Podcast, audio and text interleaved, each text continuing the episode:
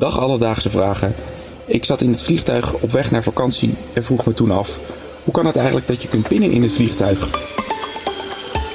Alledaagse Vragen. NPO Radio 1. Sam uit Leiden. Dankjewel voor je vraag. Ehm, heeft iedereen zijn telefoon op vliegtuigstand staan?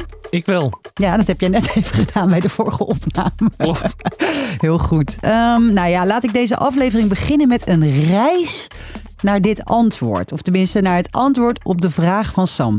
Leuke vraag, duidelijke vraag, simpele vraag. Ja, ik dacht, dit, eh, hier heb je zo een antwoord op. Dat dacht ik ook. Dus ik eh, mailde meteen naar Transavia, want ik kon iets vinden over Transavia en pinnen. Nou, dat is dan je eerste route. Eh, Transavia die was weer zo aardig om mij door te verwijzen naar KLM. Dat heb ik geweten, Aaron. Ja? Dat heb ik zeker geweten. Ik kreeg eh, contact met woordvoering bij de KLM. Zeer aardig, zeer behulpzaam. Maar ik heb nog nooit zoveel mailtjes heen en weer gestuurd. Hoeveel heb je gestuurd?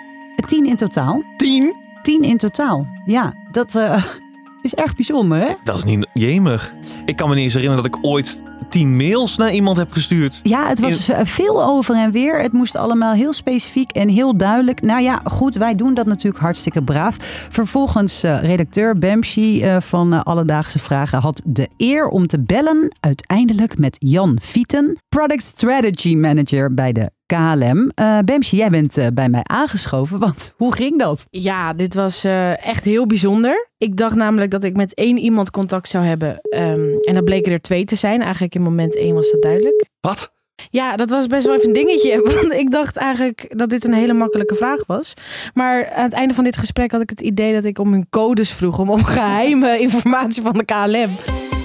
Alledaagse Vragen. Nou, gelukkig hebben ze ons eh, uiteindelijk hartstikke vriendelijk geholpen. Dat moeten we er wel even bij zeggen. Laten we vooropstellen dat we uiteindelijk absoluut een antwoord hebben gekregen. Dus Sam, hoe komt het nou dat je kan pinnen in het vliegtuig? Nou, pinnen in het vliegtuig is mogelijk doordat eh, veel vliegtuigen momenteel al een wifi-verbinding hebben. En daardoor dus eh, pintransacties kunnen gedaan worden, net zoals eh, in de winkel op de grond. Op vliegtuigen die nog geen wifi-verbinding hebben, daarbij wordt het een stuk lastiger. Nou, KLM heeft al wel een groot deel van het vloot connected. Dus op alle internationale vluchten van KLM kun je al wel gebruik maken van de wifi, dus ook pinnen. Op Europa zijn we dit nog aan het uitrollen. Er is dus wifi in het vliegtuig. Ja, Aaron, er is wifi aan boord. Maar ehm, wees niet zo enthousiast als over hier op aarde, zal ik maar zeggen. Eh, het is hartstikke goed, maar zo'n vliegtuig gaat natuurlijk 850 km per uur. Dus het is nog niet zo stabiel als hier. Maar hoe werkt het dan wel? De wifi die er aan boord is, hoe kan dat? Nou, de wifi in een vliegtuig dat werkt eigenlijk middels een satellietverbinding. Dus op, het, eh, op, het, op de romp, op het dak van het vliegtuig als het ware, zit een hele grote antenne. En die maakt verbinding met de, met de satelliet in de ruimte. Dus die hangen overal boven de wereld en daarmee maakt het vliegtuig verbinding.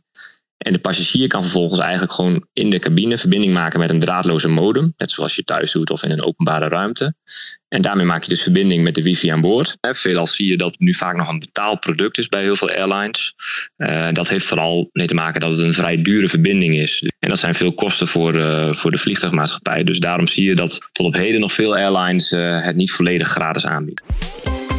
Alledaagse Vragen. Oké, maar wacht even. Er is dus wifi in het vliegtuig. Je kan er verbinding mee maken. Maar er wordt ook altijd gezegd om je telefoon op vliegtuigstand te zetten. Hoe, hoe zit dit dan? Dat was eigenlijk ook eh, een van de eerste vragen die in mij opkwam, die eeuwige vliegtuigstand.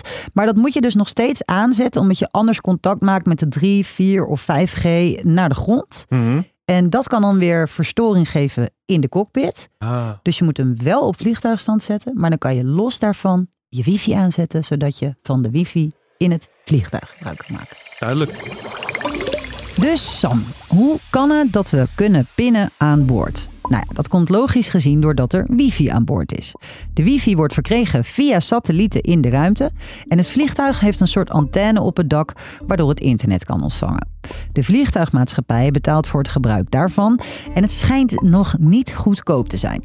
Dit is dan ook de reden dat wij als consument hier vaak apart voor moeten betalen als het al aangeboden wordt in het vliegtuig. Want dat is nog niet overal zo. Heb je ook nog een alledaags vraag? Stuur ons dan een berichtje op Instagram. Dat is @alledaagsvragen. Of je kan ook een eh, ouderwets mailtje sturen naar alledaagsvragen.radio1.nl en dan zoeken we het voor je uit. En zo is het. Alledaagse vragen. NPO Radio 1. BNN Vara podcast.